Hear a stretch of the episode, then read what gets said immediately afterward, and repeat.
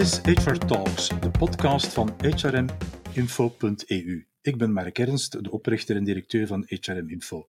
Deze podcast wordt gesponsord door Bright Plus, SD Works, Quintessence en Good Habits.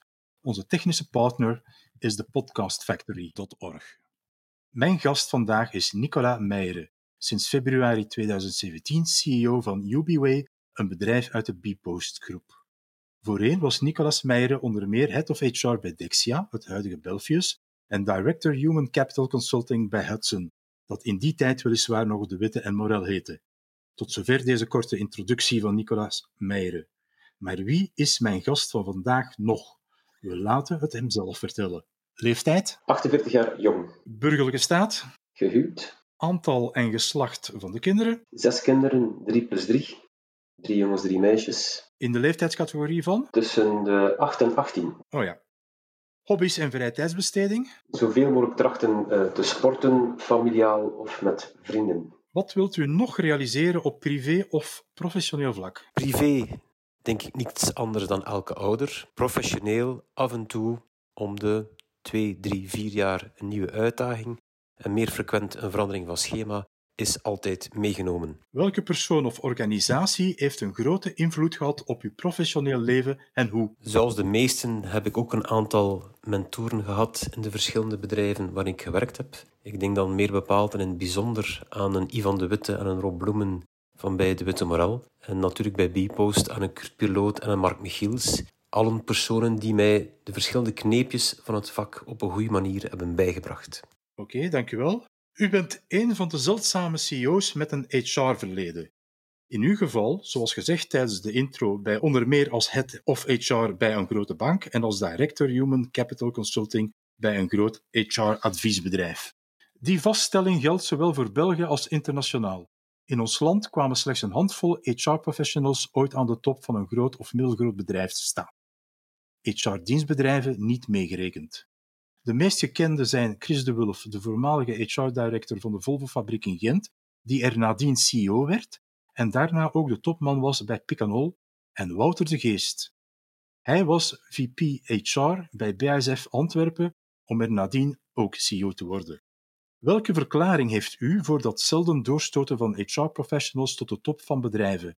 Dit in tegenstelling tot marketeers, financiële mensen of mensen uit de business? Persoonlijk vind ik het niet zo eigenaardig om vanuit een HR-positie door te groeien naar een CEO-rol of naar een meer omvattende generalistische rol. En dit zeker vast al niet binnen een meer people-oriented bedrijf. Wel wetende natuurlijk dat ook in mijn geval dit niet vanuit één sprong is gebeurd. In mijn geval bestaat mijn carrière uit twee grote delen, met name één deel effectief heel gerichte HR-ervaring, maar ook een even belangrijk deel als verantwoordelijke van de operations en een aantal operationele ervaringen. Ik denk dat in een ideaal geval een CEO of een algemeen verantwoordelijke een aantal carrière-tracks met verschillende expertise-domeinen moet gevolgd hebben, alvorens dat men een hogere eindverantwoordelijkheid opneemt. Ik denk dat het opdoen van verschillende ervaringen en verschillende expertise-domeinen heilzaam is alvorens een meer algemene eindverantwoordelijkheid op te nemen. In die zin, inderdaad, is de sprong vanuit HR naar een eindverantwoordelijkheid vanuit één sprong eerder zeldzaam. Dat klopt inderdaad, maar puur statistisch gezien zijn HR-mensen ondervertegenwoordigd, zeker als je het vergelijkt met marketeers bijvoorbeeld. Op welke manier had en heeft uw HR-achtergrond voordelen voor wat betreft uw functie als CEO? Ik denk dat in mijn geval zeker en vast het voordeel van het leadership aspect en het people management aspect en het coachende aspect, wat in C toch eigen is aan een HR-functie, zeker en vast heeft bijgedragen. Daarnaast is natuurlijk ook het toeval van een carrièrepad dat je na een HR-functie de mogelijkheid krijgt om een operationele functie op te nemen en dan vanuit de combinatie van die beiden te kunnen doorgroeien naar CEO. In mijn geval had ik natuurlijk heel veel geluk dat mijn eerste operationele ervaring eh, bestond uit het leiden van een team op het terrein, waar het team bestond uit zeer competente en zeer expertisegerichte individuen, maar die in C niet samenhingen als team. Vandaar dat de eerste opdracht ook was: maak daar een team van, maak dat die personen individueel en collectief op een goede manier kunnen begeleid en kunnen gecoacht worden. Met andere woorden, de uitdaging voor mij als HR-persoon was: en now walk your talk en maak effectief dat er een succesvol team kan neerstaan. En als dat dan op een succesvolle manier gebeurt, dan maakt natuurlijk dat je in andere uitdagingen dat op dezelfde manier kunt aanpakken. Met andere woorden, het feit dat er in een HR-functie in C intrinsiek heel sterk wordt de nadruk gelegd op de competenties, niet alleen van het individu, maar ook van het collectief en het kunnen coachen daarop met een bijbehorende leadership style, heeft zeker vast bijgedragen tot het succes als operationeel manager. Waren en zijn er ook nadelen aan verbonden? Persoonlijk vond ik van niet. Ik heb dit alsens ook niet zo gezien.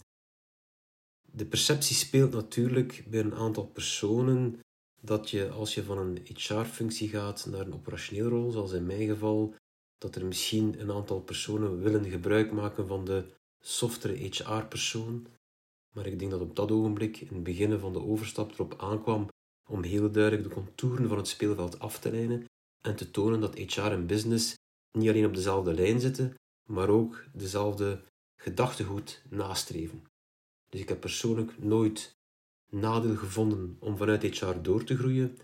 Het komt er zelfs altijd op aan om de perceptie op een juiste manier te kadreren. Voordat u in februari 2017 CEO van UBW werd, had u bij Bpost zowel HR als businessfuncties opgenomen. Wat vindt u van de stelling dat HR er baat bij zou hebben dat meer mensen met een businessachtergrond zich met HR zouden bezighouden? Ik denk dat het in eerste instantie heel belangrijk is dat HR-mensen met hun eigen expertise en met hun eigenheid heel dicht bij de business staan. Het hoeft daarom niet zo te zijn dat er noodzakelijkerwijze mensen vanuit de business naar HR moeten gaan, om dan HR een stuk credibiliteit te geven. Vooral duidelijkheid, als er mensen vanuit een business en binnen een bedrijf met het juiste profiel, met juiste competenties, met de juiste ingesteldheid en met de juiste voorliefde voor het HR-vak willen overgaan van business of bedrijfsleven naar HR, des te beter. Het mag echter geen crede op zich worden. Het moet niet en het hoeft ook niet. Als het gebeurt vanuit de juiste ingesteldheid, des te beter.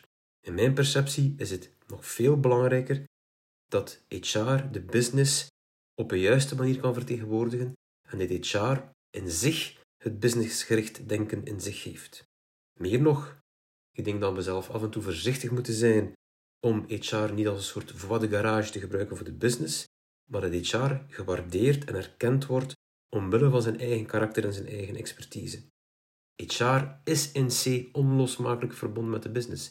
HR is een enabling function die maakt dat een bedrijf succesvol kan zijn en daarvoor is er een verbondenheid de facto met de business. Sinds begin van dit jaar gelden een pak nieuwe wetten met gevolg op HR-vlak, zoals langer profiteren van de doelgroepsvermindering bij de eerste aanwerving, verlenging van het geboorteverlof met vijf dagen en het einde van de mobiliteitsvergoeding.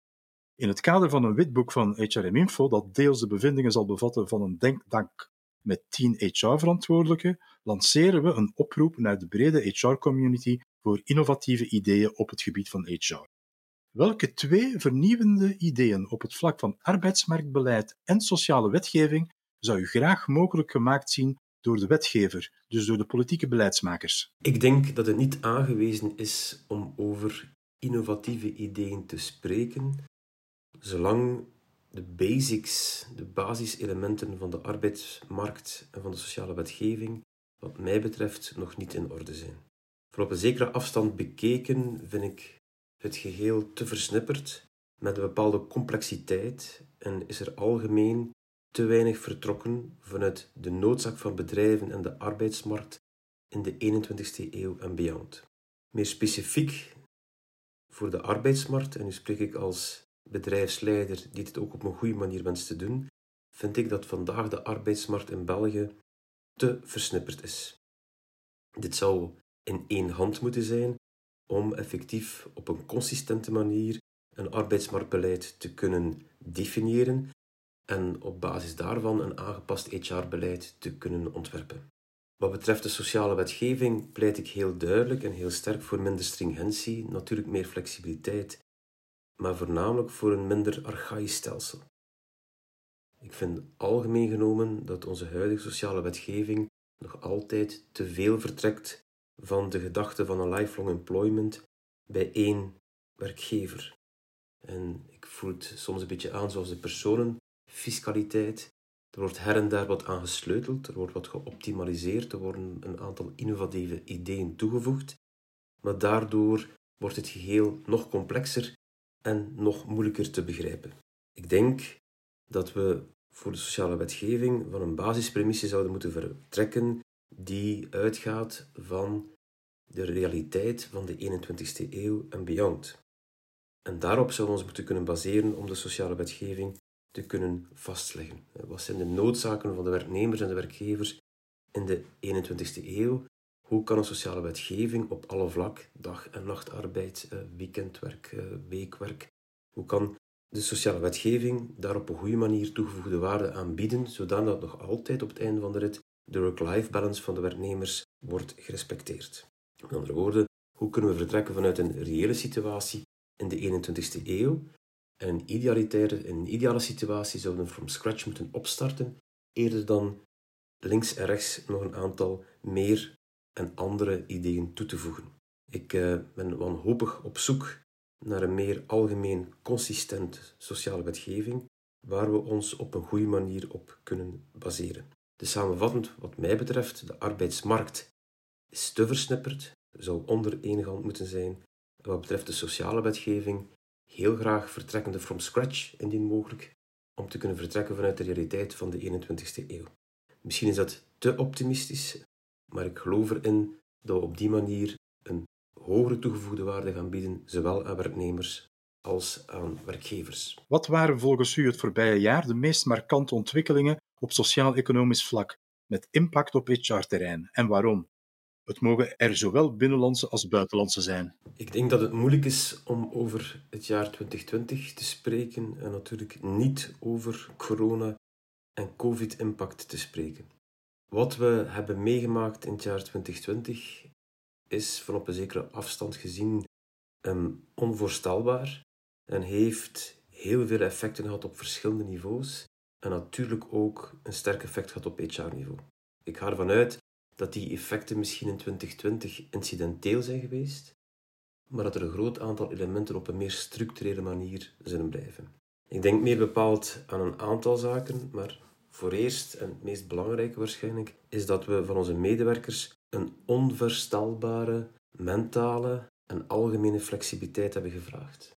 Om in heel veel gevallen van dag 1 op dag 2 volledig over te schakelen van office work naar telework en alles wat daarmee te maken heeft, um, heeft een onvoorstelbare hoge mate van flexibiliteit gevraagd aan onze medewerkers. Ten tweede, en daarop aansluitend, en zeker ook in onze situatie, is natuurlijk een enorme discrepantie ontstaan tussen verschillende populaties van werknemers. Met name diegenen die konden, mochten en moesten thuiswerken en diegenen die dit niet konden.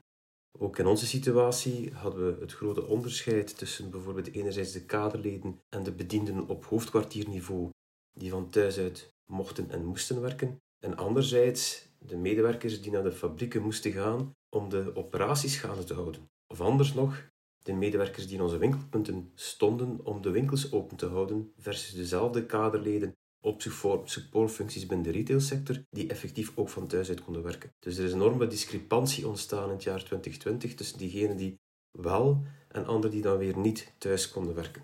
Ten derde heeft het jaar 2020 ons ook heel duidelijk het belang aangetoond om verder en nog meer te investeren in goede crashes, goede opvang, goede peuterscholen, goede lagere scholen en fantastisch goede middelbare scholen. En dan spreek ik niet alleen over het algemeen niveau van de leerlingen in Vlaanderen die hier niet op vooruit gaat, maar meer nog spreek ik over het belang van die instellingen om het economisch weefsel in Vlaanderen en in België mogelijk te maken. Zonder al die instellingen, en in heel veel gevallen met een dubbele carrière in één gezin, is het onmogelijk om voor de ouders om hun economische taken te volbrengen. Met andere woorden, we kunnen niet genoeg het belang van een kwaliteitsvolle opleiding, kwaliteitsvolle scholen, goede opvang onderstrepen, niet alleen in het belang van de leerlingen en dus ook van de arbeidsmarkt, maar ook en vooral in het belang van economisch weefsel die ontstaan is geweest vanaf het midden van de 20e eeuw en die vandaag zeker vast opnieuw in de 21e eeuw realiteit is. Met andere woorden, het jaar 2020, het coronajaar, het covidjaar, heeft ons heel veel geleerd. En zoals gezegd, ik ga ervan uit dat een aantal van die lessen ons heel lang zullen bijblijven. Ik ben en ik blijf zeer positief en ik ben en blijf zeer positief en verrast door de onvoorstelbare mentale flexibiliteit van onze medewerkers en het feit dat zij dit volledig verschrikkelijk jaar op een zeer goede manier in handen hebben genomen. Zowel diegenen die thuis konden werken, als diegenen die effectief ook de operaties gaande hebben kunnen houden. We hebben met z'n allen toch dit moeilijke jaar doorworsteld en hebben het bewijs geleverd dat we daar op een positieve manier kunnen tegenaan kijken. En wat zijn volgens u de belangrijkste uitdagingen voor HR in het algemeen, niet enkel voor uw bedrijf, vandaag?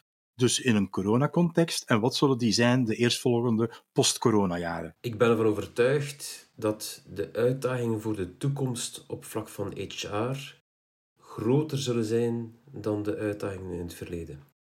En ja, ik ben positief. Ik denk dat HR goed geplaatst is en goed gewapend is om die toekomstige uitdagingen op een goede manier op te nemen. Als ik wat afstand neem en twee stappen achteruit zet, dan zie ik toch twee belangrijke toekomstige elementen. Eén, we gaan post-corona naar een economisch onzekere periode gaan.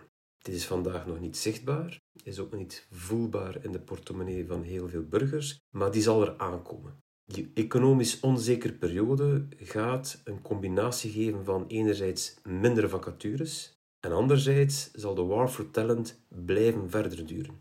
Met andere woorden, we gaan op HR-vlak naar een vrij unieke combinatie gaan in mijn ogen van een beperkt aantal vacatures, kleiner dan voordien, met een steeds groeiende war for talent. En daar en met dit nieuw element zal HR op een goede manier moeten omgaan. Ten tweede zal de flexibiliteit die we van onze medewerkers gevraagd hebben, maar die we terzelfde tijd ook gegeven hebben als bedrijfsleiders, zal op alle soorten vlakken blijven duren. Dat wil natuurlijk ook zeggen dat er een blijvende vermenging er zal zijn tussen een bedrijfscultuur en een privécultuur, die daar ook een soort nieuw optimum moet kunnen vinden. Home en teleworking zijn blijvers op een of andere manier. En de combinatie van de work-life balance met home en teleworking, met een goede sociaal contact met de collega's, met het kunnen nemen op een collectieve manier van de juiste beslissingen, in de combinatie van een bedrijfssfeer en een privésfeer, zal, wat mij betreft, ook een nieuwe uitdaging voor HR geven. Dus de opdracht van HR zal in mijn ogen daardoor, en niet alleen omwille van die twee aspecten, lastiger en moeilijker worden naar de toekomst toe. We gaan een soort spagaat hebben tussen enerzijds de gekende opdrachten van een HR uit het verleden, in combinatie anderzijds met een economisch meer onstabiele en meer onzekere situatie. Anderzijds, zoals gezegd, ben ik zeer positief op vlak van de toekomst naar HR toe, ook wel omdat HR heel duidelijk getoond heeft in het moeilijke jaar 2020 dat HR in de vuurlinie staat. Ik denk dat HR in het jaar 2020, en dat was alles ook het geval in mijn bedrijf, HR heeft zijn credibiliteit zien toegenomen worden. HR stond op de barricade op de moeilijke momenten. HR was en is verantwoordelijk om de communicatie van de steeds veranderende regels in coronaperiode op een goede manier te kunnen vertalen naar de werkvloer toe en op een goede manier te kunnen communiceren naar de medewerkers toe.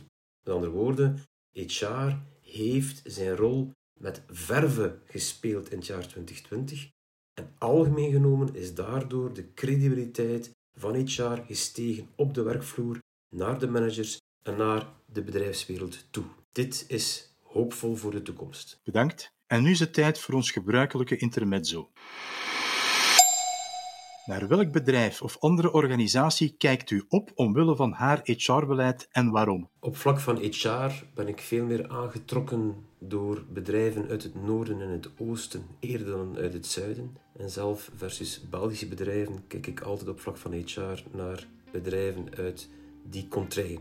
Omdat ik algemeen vind dat de HR-maturiteit in die bedrijven in het noorden en het oosten hoger is dan bij ons en dat zij op een positieve manier kijken naar de caring voor de werknemers en op een goede manier kijken naar het algemeen welzijn en work-life balance. Een van die bedrijven waar ik zeker vast naar opkijk, is een bedrijf oorspronkelijk afkomstig uit Noorwegen, de Raiten Groepen. Eh, bij ons waarschijnlijk minder gekend, maar vergis je niet, de Raiten Groep is actief in ongeveer zeven landen, in de Noordics en de Baltische Staten, en telt in totaal ongeveer 38.000 werknemers en is actief in de domeinen die zeer gelijkaardig en gelijkwaardig zijn als de onze, met name in de retailsector en in de distributiesector. Ik heb Brighton Groepen nog bezocht in 2019 en begin 2020. Wat mij voornamelijk aanstaat aan de Writing Groepen is goed dat ze vanuit een HR-filosofie kijken naar medewerkers als de partners. Ook op een goede manier kijken naar de work-life balance en kijken naar de ontwikkeling van de medewerkers. Vanuit mijn HR-filosofie is dat zeker vast iets wat ik ook gaandeweg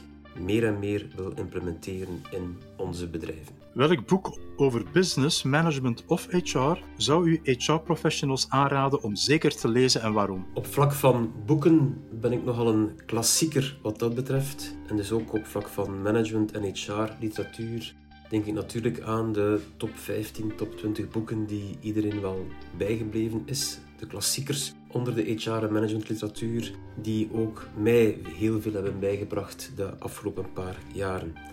Los daarvan en los van die echt gekende boeken is er bij mij één auteur en één echt boek wat me heel sterk is bijgebleven. En dat is het boek van Manfred Kets de Vries, die trouwens ook professor is aan INSEAD. De Hedgehog effect, het egel effect, wat eh, voor mij een van de meest belangrijke HR- en managementboeken is. De hedgehog effect gaat erover van hoe kun je op een goede, intrinsieke manier high performance teams induceren, niet creëren, maar induceren in een bedrijf. Wat is de grootste fout die u als HR-professional ooit beging en welke les trekt u eruit? Het mag ook een blunder zijn die u als CEO maakte, maar die een impact, een negatieve dan had op HR-vlak. Het voordeel is dat we allemaal kunnen leren van onze fouten. En eh, die fouten heb ik ook eh, vele malen gemaakt, eh, waardoor ik heel veel heb kunnen leren. Eén element die me zeker vast is bijgebleven en die ik ook vaak meegeef als tip of advies aan startende HR-business partners en startende HR-managers is wel het volgende. Op het ogenblik dat ik HR-business partner werd van de mailafdeling binnen Bpost, die afdeling is met het grootste aantal medewerkers, alle postmannen zijn daarin betrokken, ben ik ook lid van het executief comité van Mail, waarin C een heel sterk senior management aanwezig was, met jarenlange ervaring. In het begin hebben we op vlak van het executief comité daar te veel op de achtergrond gehouden. Een deel of een groot deel omwille van het ontzag in de senioriteit van de senior managers die daar aanwezig waren. Tot op het ogenblik dat ik realiseerde dat ik me te veel gedroeg als een Club Brugge in een match tegen Paris Saint-Germain. Met andere woorden, met te veel respect, waardoor dat je in C ook te weinig toegevoegde waarde kunt leveren vanuit je HR-expertise. En dat was voor mij een belangrijke drempel om te kunnen overstijgen, om effectief met altijd nog een zekere notie van respect, maar wel mijn toegevoegde waarde te kunnen bewijzen als HR business partner, vanuit mijn eigen HR expertise, vanuit mijn visie op leadership, zodat je ook op een goede manier die senior managers mee kunt begeleiden.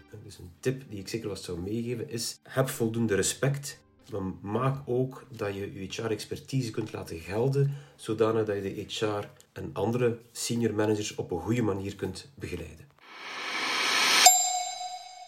Eind 2016 nam Bpost de Belgische activiteiten van het Franse Lagardère Travel Retail over. De nieuwe poot werd erdoopt tot Ubiway met drie activiteiten: Pest Retail Convenience en evenveel merken: Shop, Relay en Ubis met 220 verkoopspunten uitgebouwd door zelfstandige franchisehouders. Die verkoopspunten zijn gevestigd in luchthavens, metro- en treinstations, shoppingcentra, belangrijke winkelstraten, internationale instellingen, kantoorgebouwen en ziekenhuizen.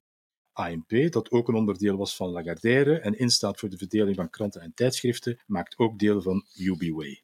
Die reorganisatie en rebranding was het begin van een groot innovatieproject, dat eigenlijk nog altijd aan de gang is. Innovatie staat hoog op de agenda bij Bpost Groep en het is er een continu aandachtspunt.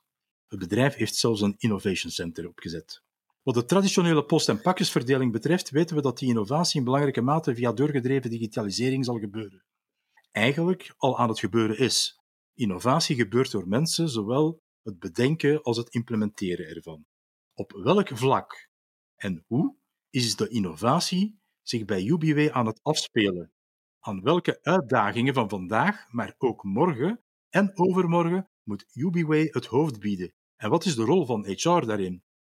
Dat laatste, de rol van HR, in een context die behalve voor persdistributiebedrijf ANP bestaat uit zelfstandige franchisehouders. Een hele mond vol, maar ik denk dat de vraag duidelijk is. Hè? Om UBW even voor te stellen en dan te kijken naar het belangrijke transformatieproces dat we sinds een aantal jaren hebben opgestart, is het belangrijk om te weten dat UBW zelf als groep bestaat uit twee grote entiteiten. Enerzijds is er UBW Distributie, beter gekend onder de naam ANP, die verantwoordelijk is voor de levering van de losse verkoop pers elke nacht opnieuw in ongeveer zo'n 4500 point of sales. Anderzijds is UBW Retail ons eigen retailkanaal met de brands effectief zoals vermeld. Beide bedrijven bevinden zich in een sterk veranderde en sterk veranderende markt. Beide bedrijven zijn ergens gespecialiseerd, met name in de fysieke verkoop van pers, meer bepaald in de losse verkoop, in de individuele verkoop van ofwel kranten of tijdschriften. Dit is voor alle duidelijkheid geen groeimarkt, het is een sterk dalende markt, wat maakt dat wij beide bedrijven vrij fundamenteel moeten herdenken. En dit op alle mogelijke facetten. Ik ga een voorbeeld geven voor eerst vanuit retail.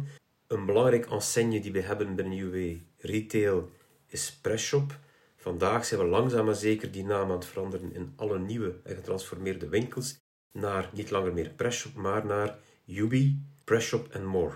Belangrijk dat die naam verandert om ook duidelijk te kunnen maken dat in onze winkelpunten er meer is dan pers alleen en dat we aan het evolueren zijn naar een convenience and proximity store. Dat is een vrij fundamentele aanpassing, omdat die een impact heeft op alle aspecten van bedrijfsvoering.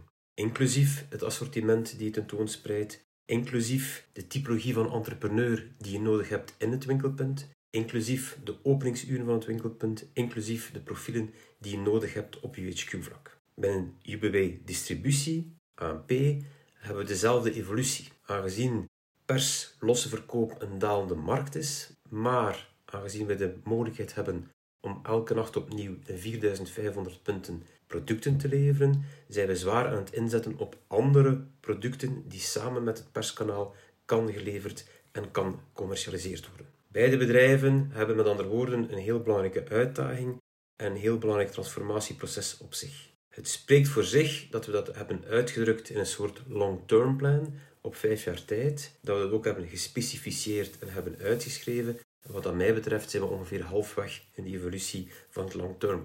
Hierin speelt HR in die volledige transformatie een keyrol op drie belangrijke aspecten. Eén, en ten eerste is natuurlijk het volledige communicatief gedeelte naar management toe, naar senior management toe, naar bedienden toe en naar de volledige workforce toe. Daar speelt HR een belangrijke rol om die communicatie sinds een aantal jaren op een structurele manier en een consistente manier op een goede manier te kunnen overbrengen naar de workforce toe. Dat gaat van meetings, dat gaat van uh, jaarlijkse roadshows, dat gaat over ons eigen personeelsblad, die ook volledig beheerd wordt door HR, zodat die communicatie op een consistente manier naar de workforce gaat. Tweede heeft HR een key rol als change manager en als change agent in dat volledig long-term plan. En ten derde, aangezien HR ook verantwoordelijk is voor het organisatiedesign, is HR ook verantwoordelijk voor de transformatie en de overgang niet alleen op designvlak, op programvlak, maar ook op vlak van polyvalentie die gevraagd wordt aan medewerkers, de inzetbaarheid te verhogen van bepaalde medewerkers en het kunnen begeleiden van medewerkers van bepaalde rollen naar andere rollen die meer toekomstgericht zijn en meer future-proof oriëntatie hebben voor ons bedrijf. Met andere woorden, de uitdaging voor HR in die transformatie is gigantisch en het is belangrijk voor mij dat HR op de drie elementen weegt. HR is zowel communicatie, change management, organisatiedesign en het mee kunnen begeleiden van de functies en profielen en rollen in het kader van het juiste organisatiedesign. Een recente studie van werkgeversfederatie Agoria samen met de VDAB Forum en Actis geeft aan dat permanente vorming en levenslang leven bij de belangrijkste actiedomeinen zijn waar de komende jaren moet in geïnvesteerd worden om onze bedrijven competitief en concurrentieel te houden. Wat doet UbiWay ter in het bijzonder met digitale leermiddelen en kanalen? Op vlak van vorming zou ik toch ook graag even aansluiting zoeken bij het voorgaande punt, met name het belangrijk transformatieproces dat wij als bedrijf aan het doormaken zijn. In dat transformatieproces spelen begeleiding, coaching en vorming een essentiële rol. Het is belangrijk voor mij dat die drie samen ook worden bekeken, dat het zowel over begeleiding over de coaching als over de vorming op zich gaan. En vorming opnieuw in de meest ruime zin van het woord, waar het digitale aspect een rol speelt, naast andere typologieën en andere leervormen die we introduceren. De volledige transformatie is gericht op het well-being, is gericht op een sociale acceptatie van de nieuwe rol waar we naartoe gaan en is gericht op het leren en het verwerven van nieuwe competenties en het verwerven van nieuwe ervaringen, polyvalentie, door onze medewerkers zelf. De bedoeling is effectief dat ze op basis van die leermomenten bijkomende competenties kunnen verwerven, ze ervaring kunnen opdoen, zodat ze die beide elementen in hun rugzakje kunnen opbergen om dat op een goede manier later te kunnen gebruiken. Het is voor mij niet alleen belangrijk vanuit mijn huidig perspectief als bedrijfsleider, maar is evenzeer belangrijk als je toekomstgericht wil kijken en ook voor de medewerker trouwens, die die competenties en die ervaringen dan mogelijkerwijs niet alleen in een nieuwe rol, maar ook mogelijkerwijs in een ander bedrijf naar de toekomst toe kan gebruiken. Voor onze populatie is digitaal leren daar een onderdeel van die ondersteunend werkt, die zeker vast niet alles overheersend is, maar die het vormingsbeleid een stuk mee ondersteunt als een van de kanalen die tentoon worden gespreid. Laatste vraag. UBWay is een zelfstandige business unit van Bpost Groep. Maar ik neem aan dat het toch kan terugvallen op de kennis van en ondersteuning door corporate HR van Bpost Groep. In welke mate gebeurt dat? Op welke vlakken en hoe? Wat zijn de overeenkomsten en wat zijn de verschillen tussen het HR-beleid van Bpost en dat van UBWay? De groep Bpost bestaat natuurlijk ondertussen uit heel veel verschillende entiteiten, actief in verschillende landen. En met andere woorden, de groep Bpost is groter geworden, is ruimer geworden, is diverser ook geworden, is meer internationaal geworden dan het kernbedrijf, met name Bpost NV/SA. Bpost NV is een autonoom overheidsbedrijf met zijn eigen paritair comité, met zijn eigen historiek. UBWay is niet alleen een aparte business unit, maar bestaat ook uit aparte legale entiteiten met een aparte historiek en ook met afzonderlijke syndicale delegatie. Na de overname van de verschillende UBW-entiteiten door de groep Bpost is UBW ook heel duidelijk naast de groep Bpost NV gepositioneerd als onderdeel van de groep Bpost. Dat maakt op vlak van HR dat we enerzijds een vrij hoge mate van autonomie hebben binnen de grenzen die meer gedefinieerd worden door de sociale en de HR-filosofie van de groep Bpost, maar anderzijds natuurlijk ook dat we beroep kunnen doen op heel specifieke expertise en kennis die je gaat terugvinden op niveau van Bpost Groep. Voorbeeld, zo hebben wij het geluk dat we op corporate niveau op HR-vlak heel wat experten en heel wat expertise hebben, zowel op vlak van change consultancy, op vlak van sociaal-juridische expertise, op vlak van compensation and benefits, op vlak van learning and development. Al die expertise-domeinen bevinden zich typisch ook op niveau van de groep Bpost. En wij als entiteit behorende tot die groep Bpost kunnen ook gebruik maken van die know-how en van die kennis en expertise op groepsniveau. Met andere woorden, heel regelmatig contacteren we onze collega's voor om bepaalde input te krijgen. Eerder dan naar externe consultants te gaan, hebben wij onze in-house eigen experten aanwezig binnen de groep Bpost. We zijn aan het einde gekomen van deze derde editie van HR Talks. Ik bedank Nicolas Meijeren voor zijn medewerking en zijn tijd. Ook dank aan onze sponsors Bright Plus, SD Works, Quintessence en Good Habits, als mede aan onze technische partner, de podcastfactory.org. Aan u, beste luisteraar, geef ik graag een afspraak voor een nieuwe aflevering van HR Talks over een maand. Tot dan. Keep safe, be nice.